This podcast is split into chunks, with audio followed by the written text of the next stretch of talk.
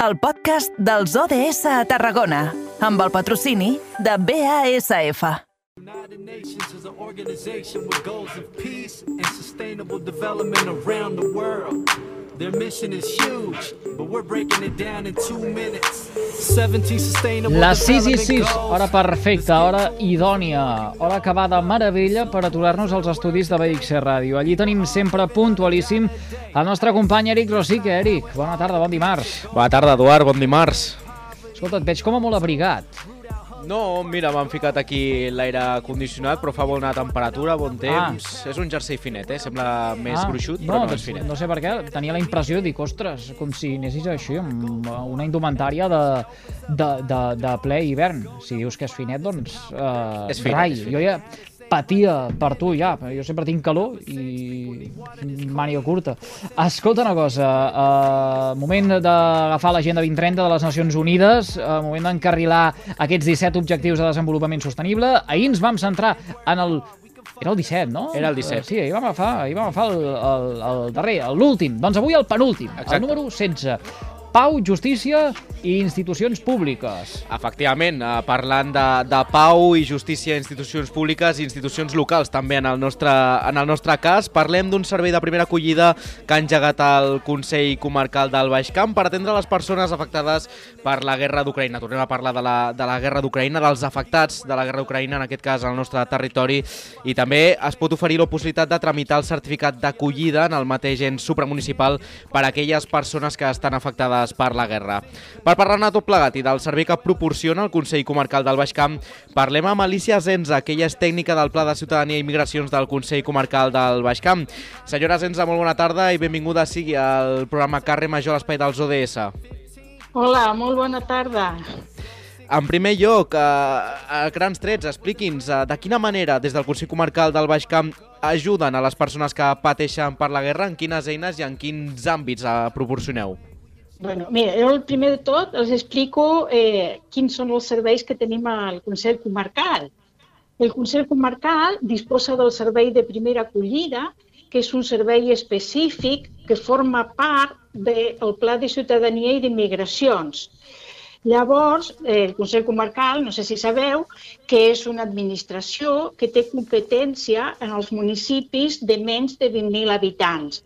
Llavors, actuem eh, eh, els 28 municipis que té la comarca, eh, tenim competència en 26, eh, menys en Reus i en Cambrils, que són els dos municipis més grans. I el servei de primera acollida respon eh, a la normativa catalana d'acollida de la llei 10 del 2010, que és d'acollida a les persones immigrades i retornades a Catalunya. L'objectiu principal d'aquest servei és promoure l'autonomia personal eh, de les persones estrangeres i catalanes i retornades i la igualtat d'oportunitats entre la ciutadania.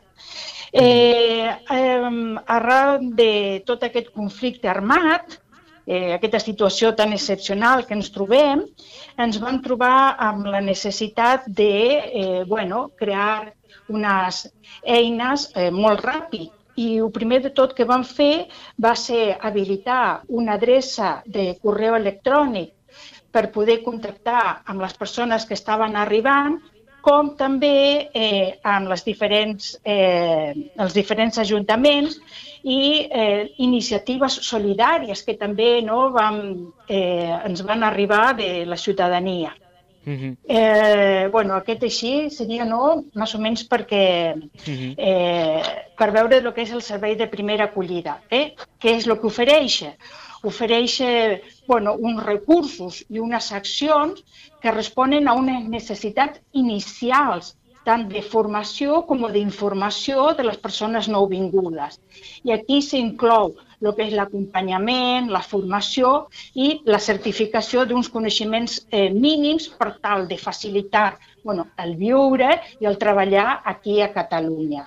Mhm. Eh, De fet, sí. sí. senyora Senza, si no m'equivoco, eh, ja han atès en dades que, va, que van facilitar des del Consell Comarcal, eh, un total de 102 persones i 97 eren menors d'edat. Han, augmentat- han augmentat aquestes sol·licituds? Eh, quina és la situació eh, general d'aquelles persones que, que ho demanen, que si no m'equivoco també es, es presenten i es fa una, una primera entrevista Sí, i sí. s'atenen a, a les persones que estan afectades?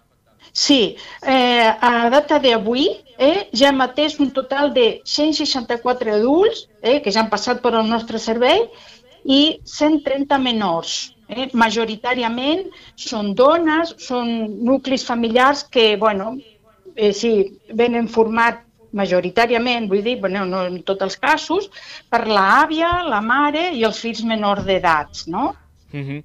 I, I de quina manera es tracta? De quina manera, eh, quan, quan s'acullen o quan li venen a fer l'entrevista, mm. eh, de quina manera se li explica? No? Una situació tan complicada de conflicte en el que les famílies, doncs vaja, estan molt afectades i, i molts d'ells eh, parlem de menors d'edat. Sí, sí. Eh, mira, aquí nosaltres, el primer de tot, quan, concertem no, l'entrevista perquè ells eh, es poden adreçar directament no, quan arriben al municipi on, on estem situats, es poden dirigir primerament no, a l'Ajuntament i ens fan a nosaltres no, la, la derivació. I clar, aquí nosaltres el que intentem és detectar quines necessitats tenen, no? eh, quines necessitats concretes tenen aquestes persones. I nosaltres tenim un formulari que està dissenyat per la Direcció, la Direcció General de Migracions, Refugis i Antiracisme del Departament d'Igualtat i Feminisme i allí recollim tota aquesta informació i aquí eh, els informem tots els tràmits no, que necessiten fer tant des de l'empadronament, com la sanitat, les autoritzacions de residència, el treball, l'ensenyament. I eh, també el que fem és valorar si aquestes persones arriben amb un referent eh, al municipi, és a dir, si tenen xarxa familiar, com no la tenen, perquè llavors nosaltres fem les derivacions corresponents. Aquelles que es podran eh, acollir al sistema estatal d'acollida eh, que això ho porta a terme la Creu Roja i eh, podran eh, accedir a totes les prestacions eh, d'ajudes que cobriran les seves necessitats bàsiques. Eh? I aquí també nosaltres també valorem eh, si disposen de mitjans econòmics, així com eh, uh -huh. Eh, sí, algun uh -huh. tipus d'ajuda que, que puguin necessitar. Uh -huh. I durant, eh? tot aquest, durant tot aquest temps, senyora Senza, uh, suposo que s'han trobat uh, moltes situacions, no? moltes històries de, de tot tipus que, que hagin succeït. Um, si ens pot donar el, algun exemple no? per donar a conèixer, perquè ho diem moltíssim, però de vegades no es dona a conèixer tant si no és una experiència personal d'aquelles persones que, que pateixen, aquelles persones migrades. Eh, clar, sobretot el que eh, intenten no, eh, és trobar una mica de, de tranquil·litat. Venen així nervioses, eh, amb molta angoixa, eh, moltes d'elles, eh, o algunes d'elles no, ens han plantejat que eh, volen tornar al seu país, no? perquè allí van deixar els seus fills, els seus marits, no? i bueno, és una situació molt trista, eh? molt trista i bueno, intentem eh, bueno, orientar-les, eh, recolzar-les i bueno, eh, poder donar-les l'atenció que, que necessiten. Eh, actualment, els recursos que tenim disponibles eh, ens trobem aquí en una fase d'emergència eh, que és poder donar eh, respostes a les necessitats bàsiques, no?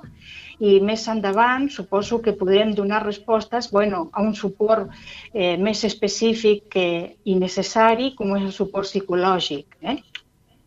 Hmm. Senyora Asenza, a, a dia d'avui segueixen acollint persones refugiades eh, des del eh, servei eh, que ofereixen des del eh, Consell Comarcal del Baix Camp. Eh, li ho dic perquè eh, fa eh, encara no un mes, de fet aviat farà un mes, la setmana que ve, el govern de la Generalitat va alertar que eh, ja no estava en condicions de garantir una acollida digna per a tots els refugiats i refugiades eh, ucraïnesos eh, en haver-se assolit el que havien eh, considerat o qualificat com a topall. Bueno, eh, pensem que aquestes negociacions no, que necessiten i el suport que necessiten no, eh, els programes per poder acollir a les persones que venen aquí desplaçades, eh, aviat no, tinguem notícies. No? Les, eh, clar, eh, complementàriament no, tenim un pla estatal no? I eh, un programa que suposo que eh, la Generalitat de Catalunya podrà prestar, que serà complementari. Eh?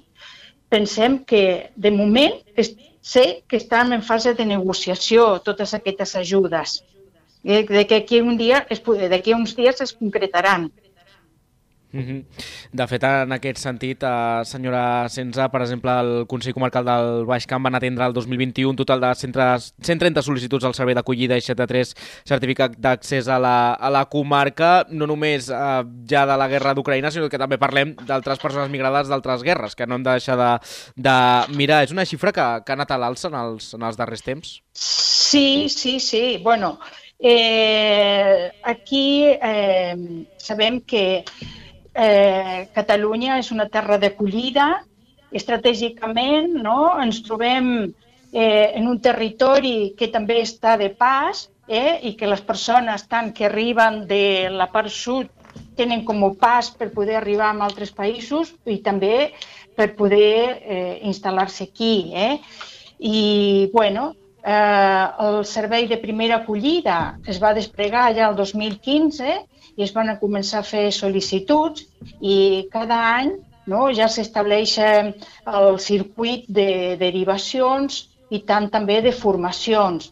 Aquestes formacions són inicials, són unes eines molt bàsiques, que són tres mòduls que responen a una formació de llengua, a uns coneixements laborals i a uns coneixements de la societat catalana. I un cop la persona realitza tot aquest circuit de formació, se l'acredita mitjançant un certificat que nosaltres anomenem certificat d'acollida, que està expedit per la Generalitat de Catalunya, i aquest certificat és útil en els procediments tant d'estrangeria com eh, per la eh, tramitació de les autoritzacions de residència com l'arrelament social, les renovacions i, bueno, a més a més, no, se li donen unes eines que facilitaran la incorporació a la societat d'acollida i també pot ser útil per buscar, eh, per buscar feina o per fer valer la, tota la formació que els reben. Mm? Sí, l'any passat sí que van poder, eh, moltes persones van poder acabar tot el circuit. Eh? Mm -hmm. en, en tot cas, eh, crec que hem de diferenciar, no, senyora Sensa, eh, les persones que eh, eh, se'ls ha donat asil eh, fins ara de, de eh, aquests eh, refugiats i refugiades eh, que provenen d'Ucraïna. És a dir, eh, eh, hi ha unes eh, diferències o eh, hi ha unes eh, facilitats afegides no, per aquesta gent sí. que arriba d'Ucraïna? Sí, clar. Bueno, Eh, sabem que el govern no, es va acollir a les directrius de la Unió Europea no, en el que se li va poder otorgar a les persones desplaçades unes autoritzacions temporals. Eh? Igualment, les persones que arriben d'Ucraïna també es poden acollir al programa eh, de refugi. Eh, però sí que, sí que és veritat que aquest desplegament va ser molt ràpid i molt àgil eh? i aquestes persones van poder beneficiar de seguida i esperem que això es faci més extensiu per moltes altres nacionalitats o persones que també pateixen eh, conflictes i problemes humanitaris greus. Mm -hmm. De fet, es treballaran altres línies, no? des del Consell Comarcal del, del Baix Camp, no només com el que, el que anomenàvem de la guerra d'Ucraïna, sinó que també eh, se'n ve al cap també una altra iniciativa que van fer a Riudoms per poder també assessorar i donar informació a aquestes persones no vingudes i, com diem, eh, no perdre perspectiva d'altres eh, punts de, de conflicte i de persones eh, migrades. Clar, eh, el servei de primera acollida eh, i específicament aquestes sessions d'acollida eh, serveixen com la benvinguda a les persones quan acaben d'arribar al municipi. No? I a nosaltres ens serveix per poder introduir informació tant de drets com de deures a la ciutadania, tant dels serveis, els recursos municipals, informar del mateix servei d'accés al servei de primera acollida.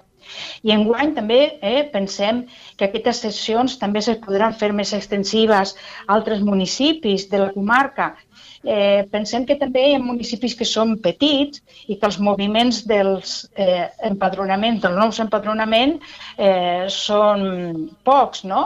I llavors podríem adaptar aquestes sessions amb entrevistes individuals també per fer el mateix, eh, amb la mateixa finalitat. Mm. En tot cas, eh, veiem com des del Consell Comarcal del Baix Camp i des de moltes altres administracions i eh, ens eh, s'estan impulsant aquestes eh, polítiques, eh, en aquest cas doncs, per eh, ajudar a les persones que fugen d'aquest eh, drama eh, que és eh, la invasió russa d'Ucraïna. Li agraïm moltíssim Alicia eh, Senza, tècnica del Pla de Ciutadania i Migracions del Consell Comarcal del Baix Camp, que hagi atès la trucada del carrer Major de les Ràdios de la xarxa al Camp de Tarragona. Eh, enhorabona per tota aquesta feinada que fan en un moment en què eh, entenem, som conscients que s'ha accentuat moltíssim com a conseqüència d'aquest conflicte armat.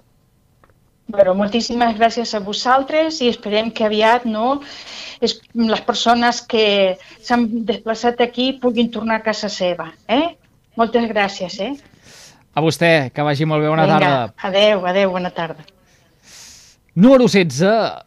Pau, justícia i institucions públiques i locals. N'hem tingut un testimoni aquí a Carrer Major, avui fent referència a aquest eh, drama dels eh, refugiats eh, ucraïnesos que fugen de, de la guerra i que acollim aquí a casa nostra amb moltes accions de les quals n'hem estat testimoni al llarg dels Carrer Major.